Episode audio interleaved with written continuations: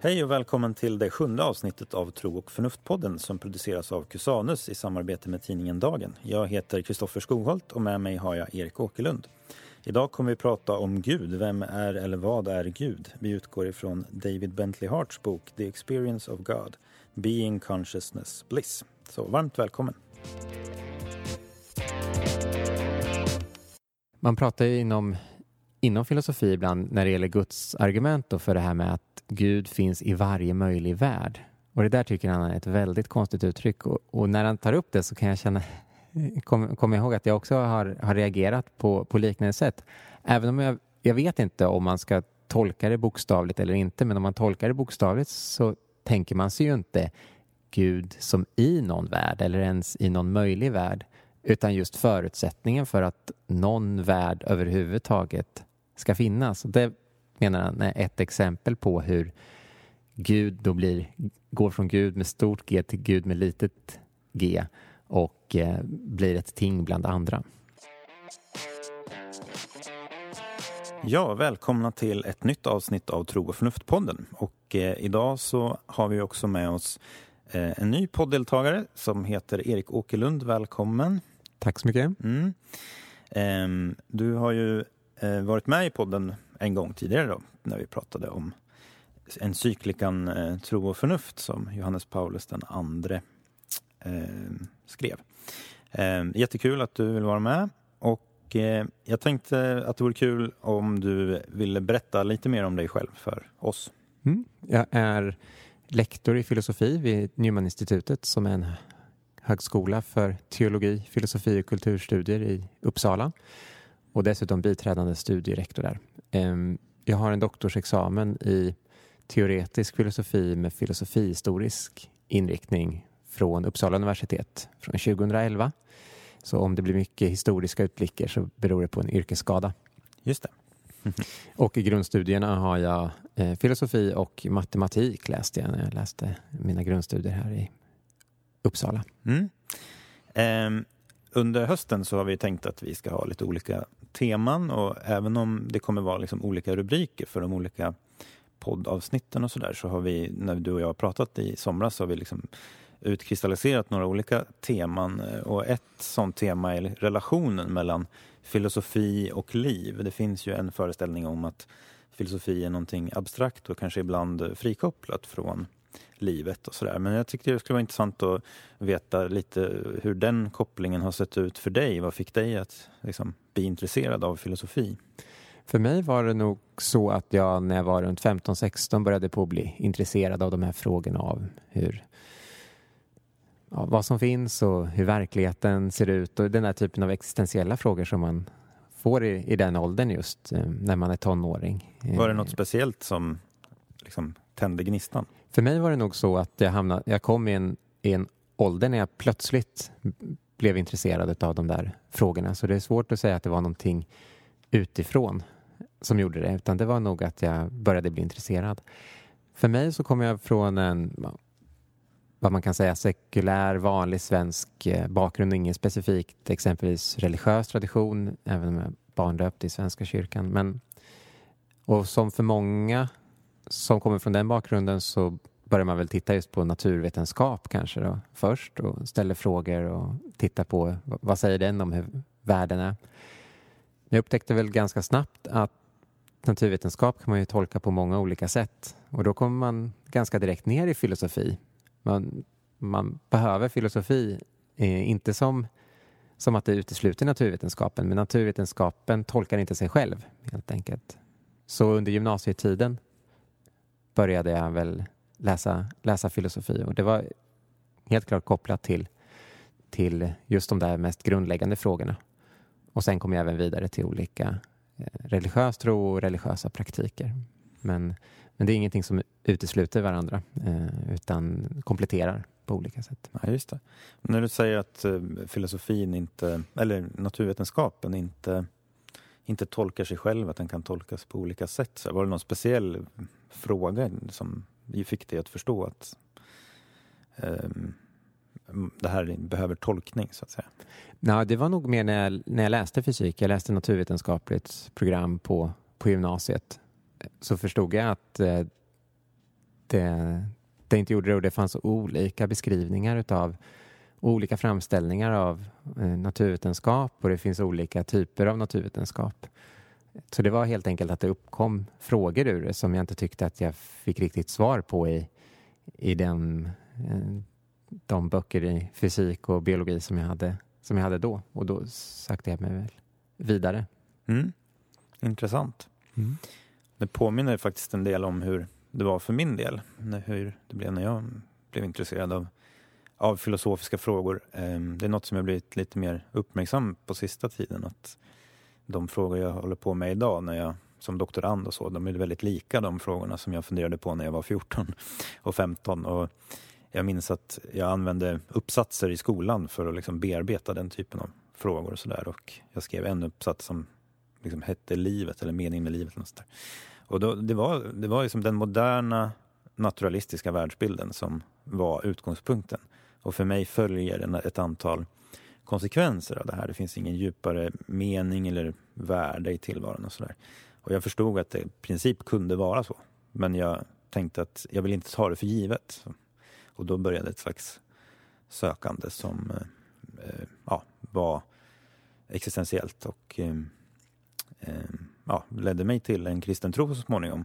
Och sen hamnade jag i ett ganska ointellektuellt sammanhang. Ehm, och sen när jag började på universitetet så så märkte jag att jag måste ju faktiskt försöka ta, ta det här på allvar. Jag behöver ta naturvetenskapen på allvar till exempel. Och det är där liksom jag, jag är idag, att jag vill förena de här två perspektiven och inte isolera dem från varandra men inte välja det ena snarare än det andra.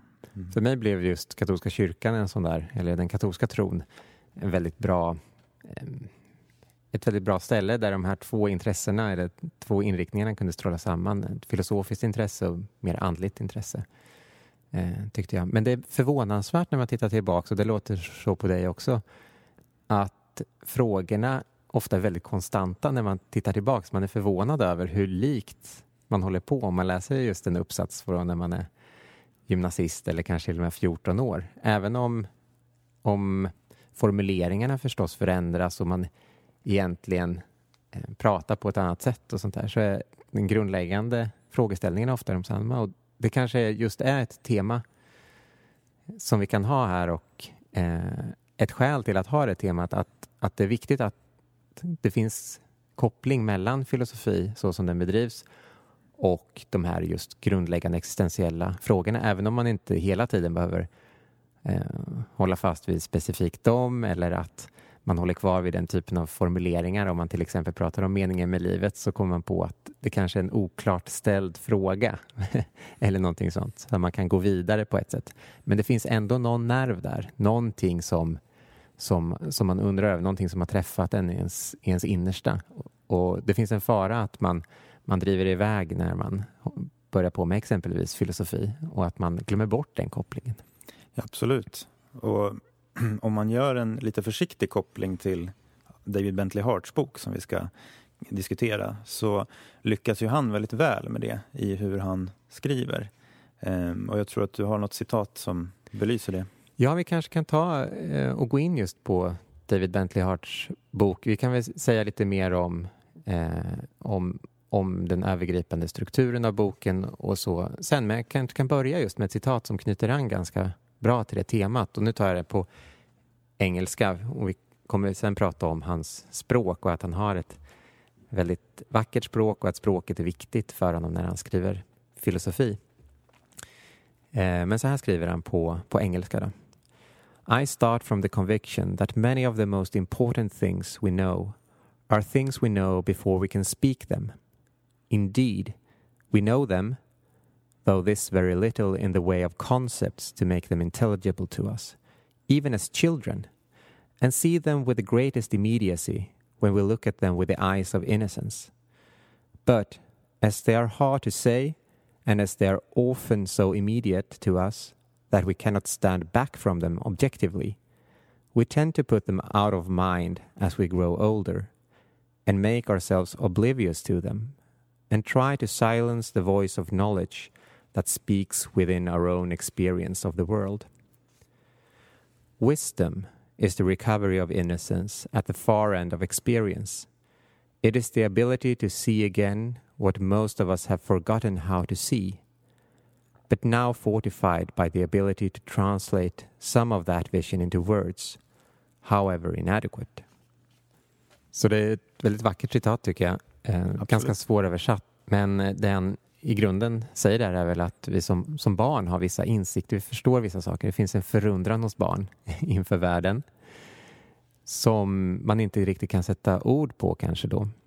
Sen när vi går vidare och får mer erfarenhet och växer så börjar vi på att koncentrera oss på enskilda saker i världen. Vi blir väldigt inne i, i vissa specifika ting och glömmer bort det där lite grann. Men han menar att visdom handlar om att återupptäcka det där. Inte för att exakt att det blir på exakt samma sätt som när vi var barn. Eh, men att det, det, det är den där förundran som vi, som vi hittar igen till. Men nu kanske vi kan sätta ord på oss på, eh, på den förundran. Och eh, vi har även kommit tillbaks till den med, med mer erfarenhet som, som fyller den mer. Men filosofi, visdom och den, den jag vill prata om här eh, handlar just om att återupptäcka det där som finns med oss hela tiden egentligen, även om vi inte är uppmärksamma på det hela tiden. Jag tycker att man kan tänka att det finns olika ibland synsätt på vad kunskap gör med oss och, eller vad kunskap är. Det finns eh, liksom en, en tradition, eller vad man ska säga, som, som har en tendens att tänka att kunskap är, det liksom upplöser vår förundran. Men, men, men sen finns det en annan som snarare tänker sig att den kan informera, kanske man skulle kunna säga, våran förundran. Så att mm. den, den, får en teoretisk men innebörd, men som inte tar bort eh, förundran, så att säga. Ibland så tycker jag, jag hörde en gång en vinkännare prata om hur, hur det är att dricka vin för honom. Eh, han menar då att så som vinkännare så har han en massa begrepp och förståelser för vinets karaktär som gör att dricka vin blir en rikare upplevelse för honom än för den som inte har det. Och så tycker jag att filosofi är när det funkar på ett bra sätt. Mm. Det blir så att säga inte kemisten som säger till vinkännaren, nej men det här är bara en massa molekyler. Utan, utan det berikar min erfarenhet. Och det är klart att, ja det är molekyler också, men det, är, det finns en komplexitet i, i så att säga själva erfarenheten som, som man kan få begreppsliga redskap för, som kan berika erfarenheten. Mm. Mm. Men jag har ju också ett citat och mitt citat är ifrån slutet av boken och det anknyter till, till eh, ditt citat också, tematiken i ditt citat. Ehm, och så här säger David Bentley Hart där då. The reason the very concept of God has become at once so impoverished, so thor thoroughly mythical and ultimately so incredible for so many modern persons is not because of all the interesting things we have learned over the past few centuries, but because of all the vital things we have forgotten. Above all, somehow we have as a culture forgotten being, the self evident mystery of existence that only deep confusion could cause one to mistake for the sort of mystery that admits of a physical or natural or material solution. Så i citatet här så säger ju David Bentley Hart att anledningen till att gudstron har blivit osannolik eller inte så plausibel för oss i den moderna världen är inte för att vi har lärt oss så mycket nytt utan att vi har glömt bort eh, mycket av den eh, klassiska traditionens gudsbegrepp. Eh, och det intressanta med citatet i relation till det vi just pratade om är bland annat att även om det är så att um, det finns en slags ursprunglig erfarenhet som också som vi gör så att säga naivt och spontant så, så har våra filosofiska begrepp betydelse. Alltså det, det har en stor betydelse för möjligheten att eh, tala om Gud till exempel. Så det är grund, eh, egentligen grundtematiken i boken kan man säga. Så eh, Boken heter alltså The Experience of God, Being Consciousness Bliss och kom 2013. Ehm, den är då uppdelad efter de här Being Consciousness Bliss på svenska vara, medvetande och lycksalighet egentligen. Men det anknyter också till indisk tradition där det finns någonting som heter Sat, Chit och Ananda. Där då Sat motsvarar vara, Chit medvetande och Ananda är lycksalighet. Och det är också ett anslag i boken att han går ut egentligen till många olika kultursfärer och vill visa på att den här typen av erfarenhet, den här typen av grundläggande gudsbegrepp egentligen finns överallt och han går igenom framförallt i det här fallet då den, den indiska kultursfären. Och där fanns det väl, för mig i alla fall, i början av boken en, en liten oro att han alldeles för snabbt skulle dra en massa paralleller och sånt. Men han, han gör det på ett väldigt fint sätt och egentligen när man, ju mer man läser så märker man att det egentligen är en ganska på ett sätt och klassisk västerländsk metafysik kan göra, eller en klassisk västerländsk filosofi, även om det står i samklang med må många andra traditioner. För man kan också eh, titta på de här tre sakerna då. Vara, medvetande och lycksalighet som vad man traditionellt sett har tänkt på som saker som utmärker allt som är. Det vill säga sanning för vara då, godhet för medvetande och skönhet för lycksalighet.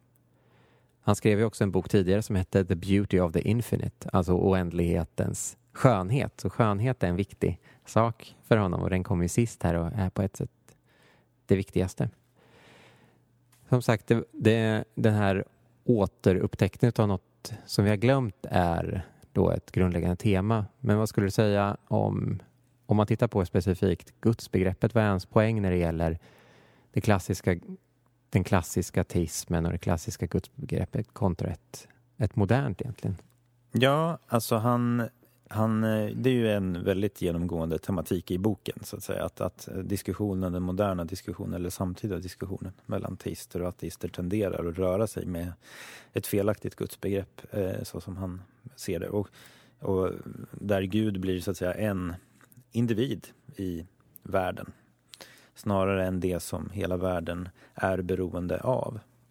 Så Gud som själva varat snarare än en varelse.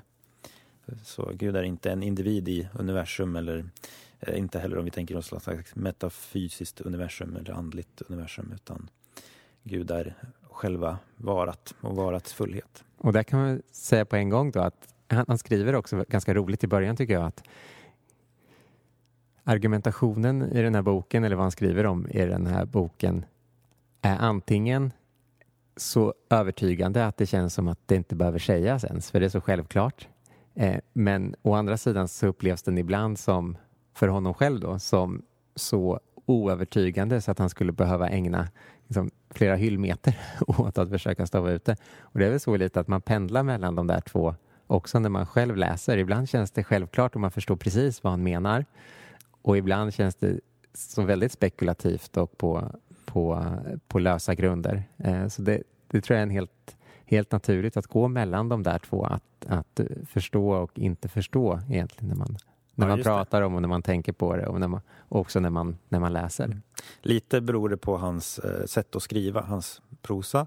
Han, eh, han är ju retoriskt väldigt skicklig. Han tycker om att använda språket. Alltså det, mm, det, och, och det gör att ibland, tycker jag, då kan det blir starka ord och det blir lite svepande ibland. Mm. Men, men det gör det också på ett sätt eh, roligt att läsa. Liksom. Han anknyter också uttryckligen till just poesi och den poetiska traditionen. Det är någon för mig tidigare okänd 1600-talspoet som heter Thomas Traherne eh, som har skrivit eh, något verk som heter The Centuries som man, som man säger, det är hans stilideal eh, på ett sätt. Och eh, eh just att han använder språket så mycket.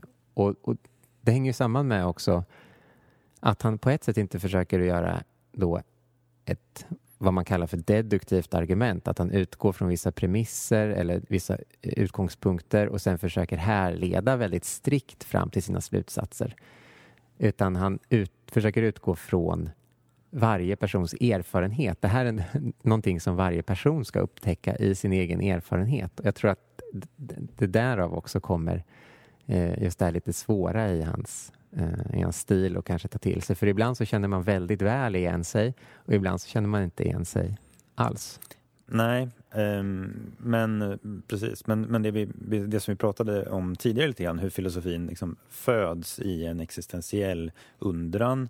Eh, det finns viss typ av filosofi som verkar bedrivas ganska frikopplat från det och det har, finns ett annat sätt att skriva eh, i den traditionen. Och där, det är ju en av styrkorna med David Bentley Harts bok, att det här är jag tycker att han hela tiden har det närvarande, det existentiella stråket och så. Men om man gör en liten eh, örnbild så att säga, av boken så har han ju tre stora tematiker och den första handlar ju om gudsbegreppet och relationen mellan Gud som varat och en individ. Um, och sen så är ju den andra då naturalismen. Och man brukar säga att naturalism innebär två anspråk. Dels anspråket att naturen är det enda som finns och sen en teori eller ett anspråk om hurdan den här naturen är som är det enda som finns. Men om vi börjar med den första delen då, det här gudsbegreppet. Hur skulle du stava ut hans resonemang där? Ja, om man utgår från de här då, det, det som är sant, det som är gott, det som är skönt så är det så att i världen runt omkring oss så kan saker och ting ha den, de egenskaperna. Och han menar i själva verket att allting har de egenskaperna. Gud däremot inte, har inte direkt de här egenskaperna utan snarare är de egenskaperna. Gud eh, är sanning, är godhet, är skönhet. Och det här kan man tycka och töja lite på språket och det är det också. Eh, eh, man tänker sig att språket i grunden är till för att prata om saker och ting i världen, stolar och, och älgar och, och sånt där. Så när vi ska prata om Gud, som ju övergår, enligt det här synsättet, världen omkring oss, så måste vi töja lite, lite på språket. Men den viktigaste egenskapen är egentligen att allting som finns i världen runt omkring oss eh, och nu kommer det en filosofisk term då. Allting som finns i världen omkring oss är kontingent. Och det betyder att det kunde varit fallet att det inte fanns.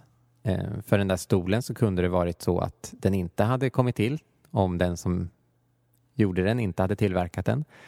Eller för en älg så hade det kunnat vara så att den inte fanns till. Det, det finns ingenting motsägelsefullt i det. Eh, men så är det inte med, med Gud enligt den här uppfattningen utan Gud är den nödvändiga grunden för allting.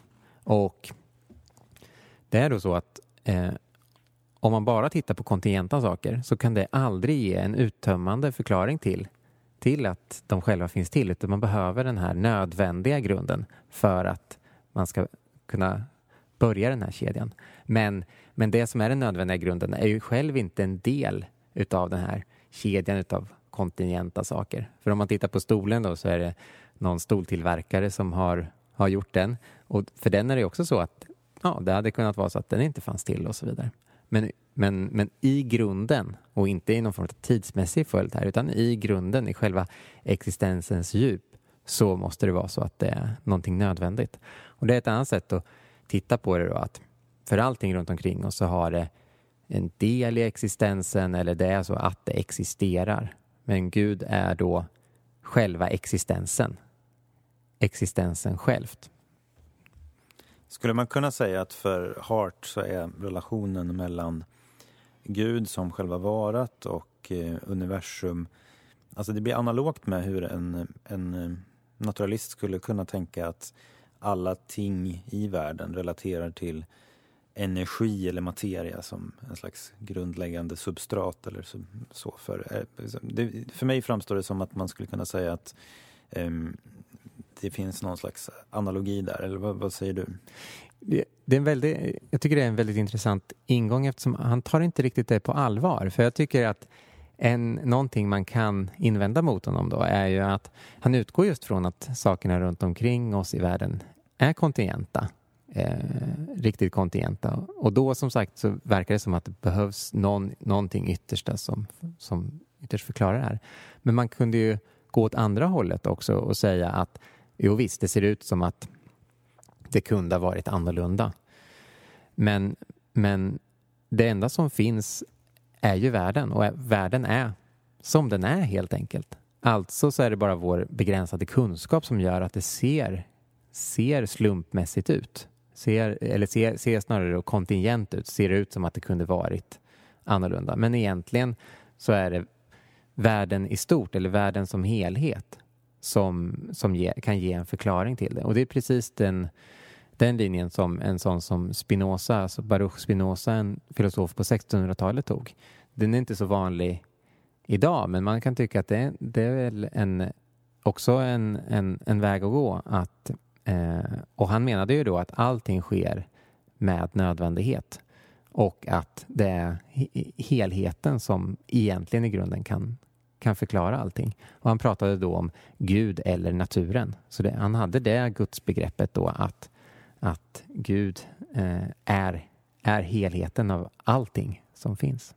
Det jag är ute efter är lite grann att jag tänker mig att naturalisten ändå så att säga, är enig om att det finns eh, kontingenta ting i universum. Det finns beroenderelationer i universum. Så eh, du skulle inte finnas om inte dina föräldrar träffades och sådär. Det, det är liksom, de flesta skulle hålla med om att det finns en sån här eh, beroenderelation. Men det finns, och allt, i den meningen så tänker jag då att, att eh, det som är Harts liksom, poäng är att universum är inte Eh, är också eh, så att säga, beroende. Men, men, så det är ju ingen som, tänker jag mig, ifrågasätter själva existensen av beroenderelationer. Eh, och frågan blir då bara, alltså det som, är, det som gör att Hart blir så hård, eller vad man ska säga, i sin kritik av, av naturalism, det är ju att den vanliga formen av naturalism erkänner egentligen inte existensen av någonting nödvändigt. Det, nej, precis. Och det vanliga är ju att säga att den typen av frågor är en sorts eh, att eh, intellektet eller förnuftet har löpt amok. Att vi helt enkelt inte ställer den typen av frågor, eller vi bör inte ställa den typen av frågor. Vi kan ställa frågor just om om eh, på grund av vilken naturlag skedde det eller vad var det, vad var det som var upphov till, till det där. Men när vi börjar på att ställa frågor om upphovet till allt så, så menar många naturalister att vi har på något sätt gått vidare. Men, men jag skulle säga att om då en naturalist skulle vara, eh, vara konsekvent och sen komma ner till någonting yttersta, säg till exempel materia och naturlagar, då har ju det samma ställning som, som Gud har i traditionell teism i en mening, nämligen att vara alltings yttersta grund. Men då kan man ju också lägga till att där finns det ju oftast ingen utrymme för någon form av frihet eller genuin kreativitet i förhållande till det som kommer ut utav det, utan det är ju av ren nödvändighet som allting sker då.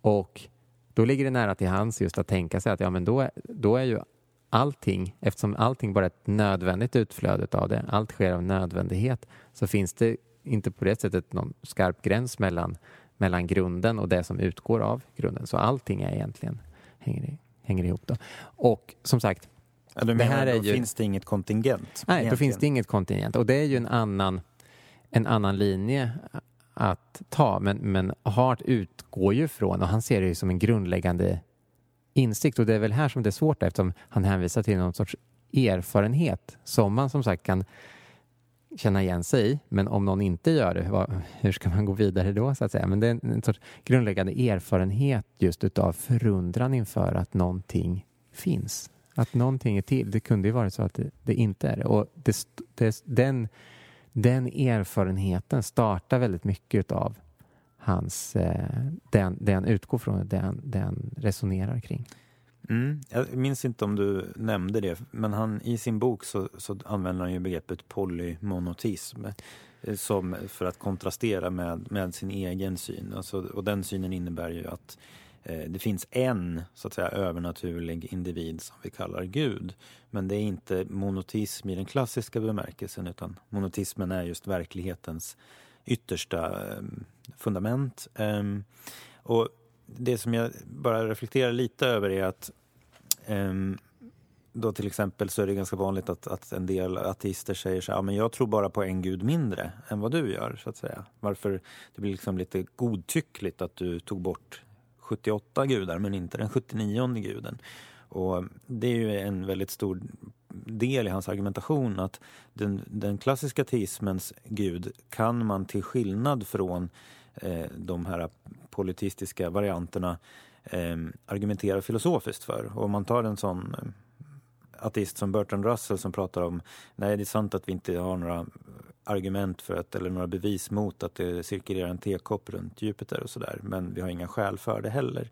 Men det är, då, då har man ju helt så att säga, missat att när det gäller relationen mellan nödvändigt och kontingent som är, är så att säga den centrala frågan för gudsfrågan för Hart. Jättebra. Och just det där, det är, det är verkligen en central punkt för honom. Att det finns Gud med stort G, som man, som man då på det sättet menar är den traditionella ateismens gud, som, som man kallar det för. Och dels Gud med litet g, eller gudar oftast, som han menar är någonting helt annat och är någon form av makter på någon mellannivå.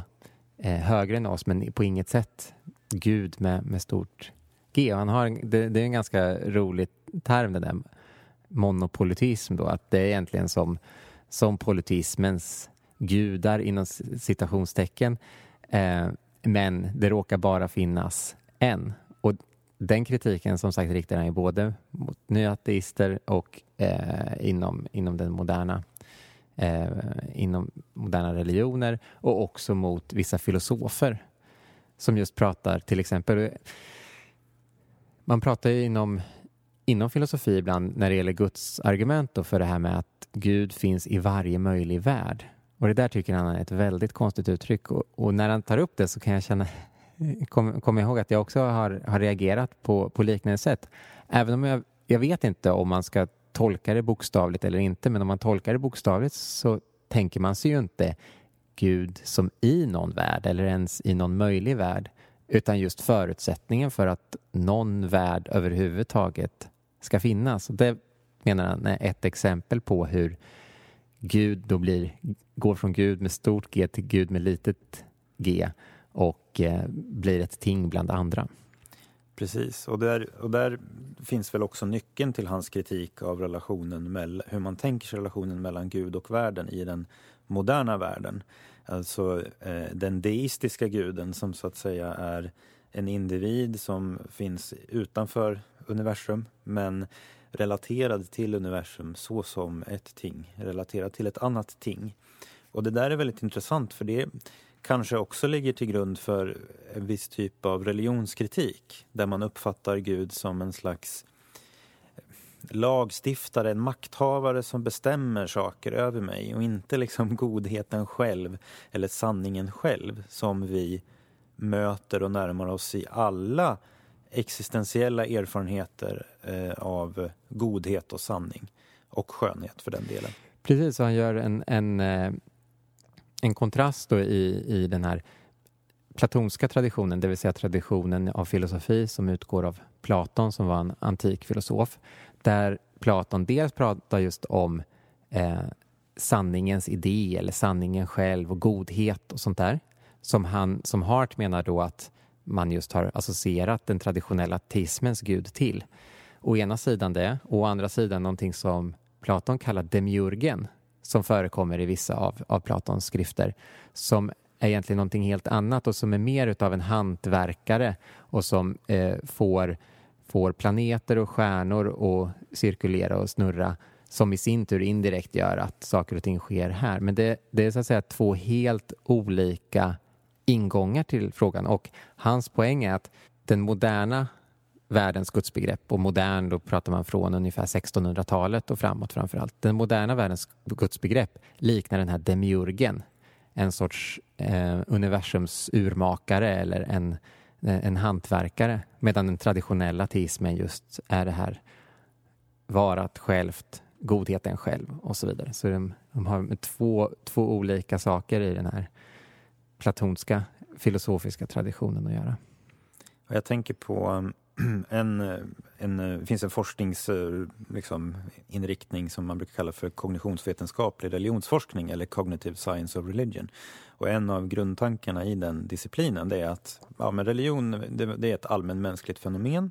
Alltså verkar det som att eh, det inte är någonting enbart inlärt utan det finns vissa biologiska dispositioner för det. Och det gäller samma när man pratar om moral, alltså människan har en kapacitet att eh, resonera moraliskt och det finns eh, ja, grundläggande principer som återkommer i de flesta kulturers eh, moraliska resonemang som att den gyllene regeln i olika format och sådär. Och, och då pratar man ibland om, om eh, att det finns så att säga intuitiva gudsbegrepp. Och där tillhör, den klassiska teismen tillhör ju inte det därför att det är lättare för oss rent kognitivt att föreställa oss Gud som en stor eh, individ.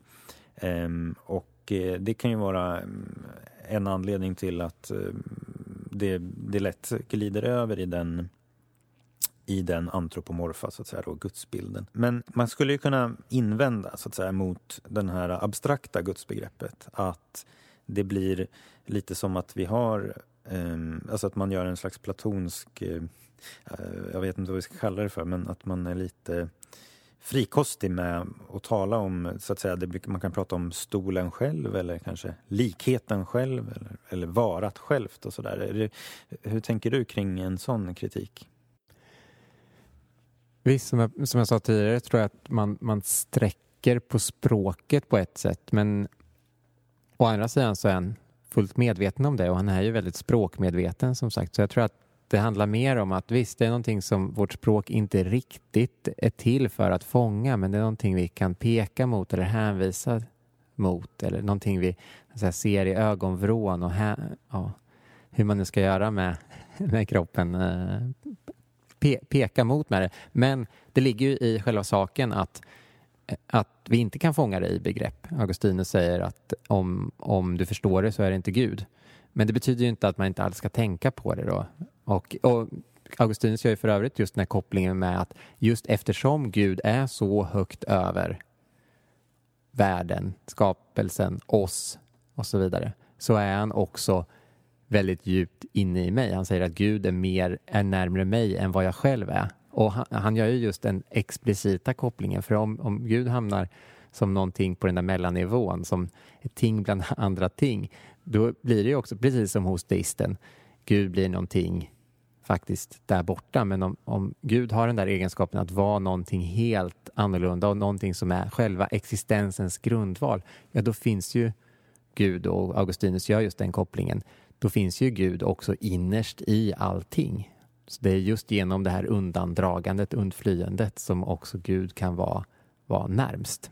Just det. Alltså, nu kommer jag faktiskt på vad, vad egentligen som var min poäng med att ta upp Cognitive Science of Religion och det är att i i det analytiska språket så finns det ju en önskan om att alltid ha klara och tydliga definitioner. Och då drar man nog ganska lätt mot ett antropomorft gudsbegrepp. Och det är där som det finns en intressant eh, så att säga, eh, spänning eller växelverkan mellan olika sätt att bedriva filosofi på. Och David Bentley Hart respekterar, tycker jag, båda de traditionerna där ett sätt är ett mer poetiskt sätt att skriva ehm, för, och, och där, en, en sak han, han, tar upp i det citatet som du hade var ju att vi kan veta mer än vad vi kan uttrycka.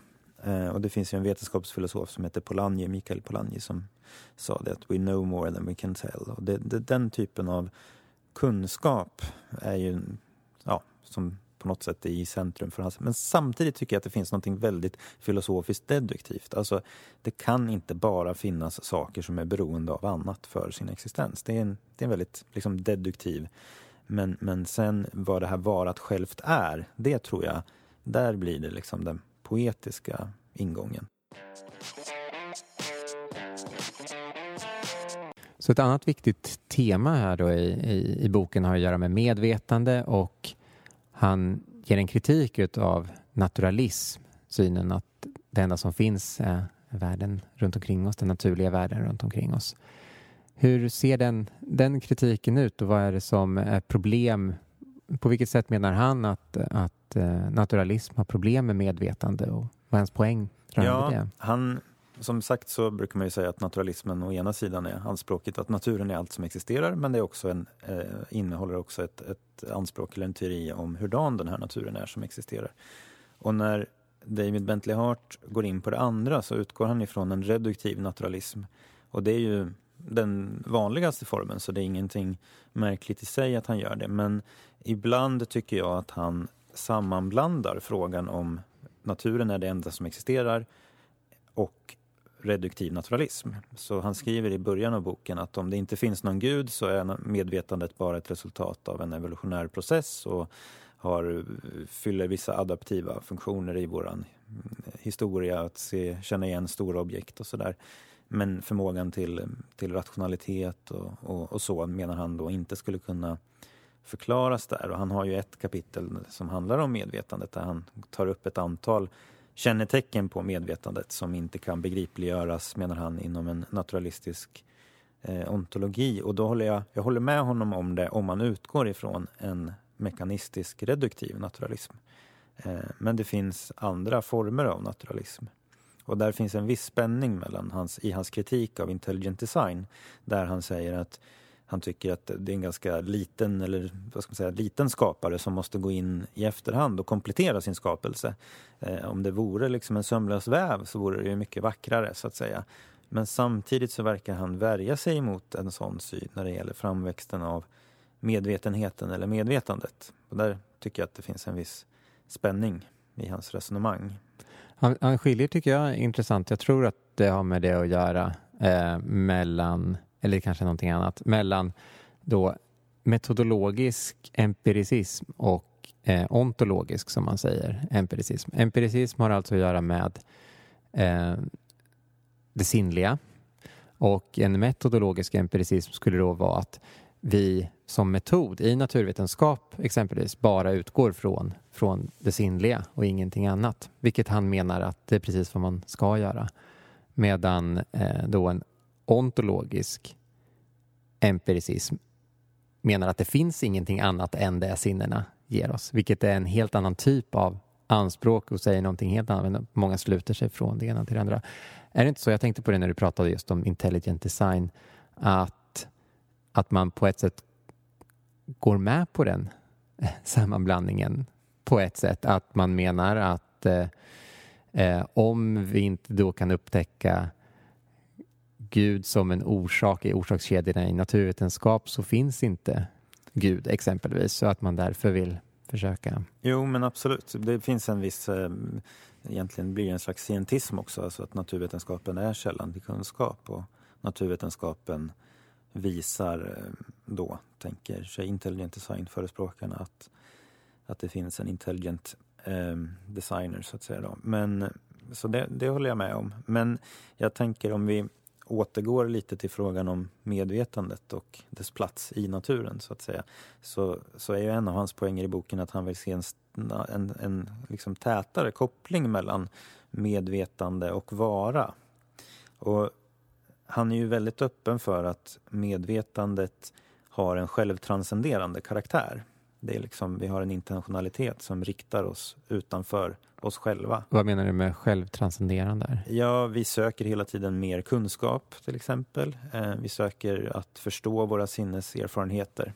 Vi försöker att utvärdera vår förståelse för om den är korrekt. Så det är, det är så att säga som om vi går utanför oss själva och betraktar oss och på det sättet har liksom... Ja, vi, betra eller bara betraktar det på ett sätt också. Precis, vi betraktar vår egen förståelse till exempel. Ja, mm. exakt. Men, men också att vi betraktar omvärlden en, en slags självtranscendens.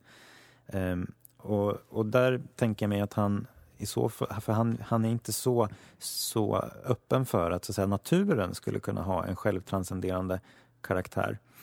Och det är helt sant så att, säga, att om man antar en, en väldigt hård ontologisk reduktionism så, så har den inte det. Utan då är ju så att säga, allt som finns är elementarpartiklar i rörelse och sådär. Men det är inte det enda sättet att förstå naturen. Och det är så att säga då, om naturen är en Guds skapelse så varför inte så, så borde det ur David Bentley Harts perspektiv i alla fall vara rimligt att förvänta sig att naturen inte är sådan. Och, och, när man pratar om, om reduktionism så, så tycker jag man ibland sammanblandar frågan om någonting är orsakat av X och om någonting är identifierbart med X. Mm. Så, eh, och det, den, det, det är en ontolog. Ja, han hårdrar det ju väldigt mycket, mm. vilket man ibland gör, kanske framförallt i Nordamerika kan man tänka, där, där det är två, två olika väldigt tydliga läger. Så han sammanför det här naturalism, då att det finns ingenting annat än den kontingenta världen omkring oss med, som du säger, reduktionism. Att exempelvis medvetande är ingenting annat än materia. Men det finns ju tänkare som till exempel Thomas Nagel som är, är då naturalist i, i meningen att han menar att det, det, det finns bara den naturliga verkligheten omkring oss, men som är en hårdför kritiker utav reduktionism eh, Eh, och har varit så i 30-40 år och en, eh, framstående eh, filosof. Så det, jag kan hålla med om att han just han försöker att dra in alla i, i, en, i en folla på det sättet. Och där kan man väl, om man ska just kommentera boken som helhet, så kan man väl tycka att det är en brist. Han säger i början att han, han tar upp de här nya ateisterna, Dawkins och sådär. Men nu ska han lämna dem och prata om andra saker i boken. Men, men de, de är ju närvarande i, i, i hela boken. Och det kan jag tycka är ofta en trist sak med, med nordamerikanska böcker, att de är så totalt märkta av det här kulturkriget och där var sida i det här kulturkriget eh, intar eh, väldigt homogena positioner var och en. Så att man, man, även om det förstås en mängd olika kombinationer av de positionerna mm. är möjliga. Det, det fördummande rent ut sagt. Ja. En, en filosof som förekommer i, i boken, eh, både ibland explicit men också ibland implicit, är ju Alvin Plantinga eh, som eh, var professor vid Notre Dame eh, tidigare. Och, och, eh, I början av boken så anknyter han till Plantingas Evolutionary Argument Against Naturalism, som det brukar kallas. Som är just tanken att vår rationalitet inte kan eh, lokaliseras eller begripliggöras i, en naturalistisk, i ett naturalistiskt ramverk. Men, men man skulle kunna göra en liten kontrast mellan hur, hur han eh, om, man, om, han, eh, om David Bentley Hart Eh, så att säga, i sin kritik av eh, naturalismens ateism eh, menar att förekomsten av en natur kräver en förklaring utanför sig själv. Men det är inte så att till skillnad från intelligent design-förespråkarna så menar ju inte Hart att ja, men, eh, ögats konstruktion eller, eller bakterium flagellum eller sådana olika biologiska konstruktioner behöver en direkt orsak utan det kan vara ett naturligt um, förlopp som har lett till det här. Då, så att man skulle kunna skilja på ja, the fact of nature och the content of nature. Och det är det liksom, själva faktumet att det finns en, ett universum som behöver en transcendent uh, förklaring. Men när han närmar sig medvetenheten så tycker jag att han vänder lite på det där och, och, och liksom det lutar lite åt att det är själva det faktumet att det finns en medvetenhet som behöver en direkt transcendent förklaring. Mm. Jag tror att det kan ha att göra, om man, om man bara här på, mot slutet ska nämna också den sista delen där, bliss. Mm. bara kan, kan nämna att det, det, kan ha sin förklaring i att han, han lägger så stor vikt i just att det transcendenta ingår i vår erfarenhet. Det transcendenta ingår i medvetandet och han, han eh, säger att eh, medvetandet är varat transparent för tänkandet. Så det ligger för honom väldigt nära. Utan att frånta att det finns kritik man kan rikta mot någon så tänker han det. Och det går ju ihop väldigt vackert då i slutet eftersom lycksalighet är tänkandet totalt öppet för varat och varat helt närvarande och då varat självt. Så, eh, så eh, allt i Gud och Gud i allt egentligen om man vill prata i de, i de termerna. Nej men absolut och eh, det, det, håller jag med om. Att, och det, var, alltså det, det är innehållet i medvetenheten, menar jag, som pekar utöver naturen. Så Eh, det är inte själva faktumet av medvetenheten, utan innehållet i medvetenheten. Så våra logisk, logiska principer till exempel, menar jag, inte kan vara så att säga, resultatet av en naturlig utvecklingsprocess. Utan i våra tänkande så har vi tillgång till någonting transcendent. Men, men det här du tar upp om, om medvetandet som transparent förvarat tycker jag är väldigt, är väldigt vackert uttryckt. Och det finns ju, det tycker jag är intressant att det är, man kan ju kontrastera David Bentley Harts så säga, vision av verkligheten med, alltså här finns det en slags eh, affinitet så att säga mellan medvetandet och intellektet och viljan som strävar mot det sanna och det goda och verklighetens natur. Så intellektet har den här strävan efter att förstå tillvaron och, och utvärdera sin förståelse. Det finns en liksom naturlig strävan mot sanningen.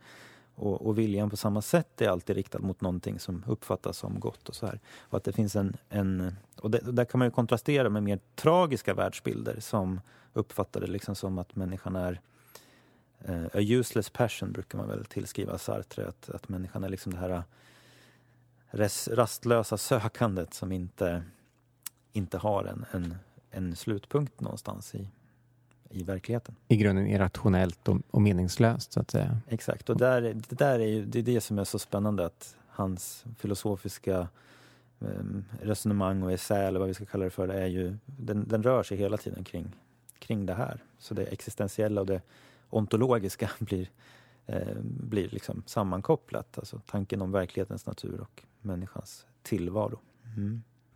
Ja, som ni märker så finns det hur mycket som helst vi skulle, man skulle kunna prata om i, utifrån den här boken. Och jag rekommenderar den och jag tror säkert att du gör det också. Absolut. Um, och, uh, men det är dags att avrunda lite. Och uh, Erik, du tänkte säga någonting om blogginlägg och så? Ja, jag tänkte kunde skriva någonting om eh, det här med uppdelningen mellan analytisk och kontinental filosofi som finns som ett tema i den här boken och som kommer upp då och då och vad eh, egentligen skillnaden är och lite vad som utmärker eller anses utmärka analytisk eller anglosaxisk filosofi å ena sidan eller kontinental filosofi å den andra. Men också skriva lite om en tradition som går lite utanför de två, nämligen tomism. Som om man läser i, i bibliografin längst bak. Han har inte så mycket noter då i, i själva boken men han, han ger en massa olika tips på böcker i slutet som man inte får missa. Och där ser man hur väldigt viktig den här tomistiska traditionen är för honom. Ehm, så då tänkte jag skriva också lite kort om, om den. Mm, roligt. Eh, vi kommer som sagt att eh, eh, ha en blogg till podden under hösten på, som man kommer att nå via vår sida som ju är dagen.se tro förnuft. Tack så jättemycket för att ni har lyssnat och hoppas ni lyssnar igen och det går jättebra att höra av sig till oss via Facebook-sidan till exempel om man har eh, tankar eller reflektioner. Så tack för idag. Hej då!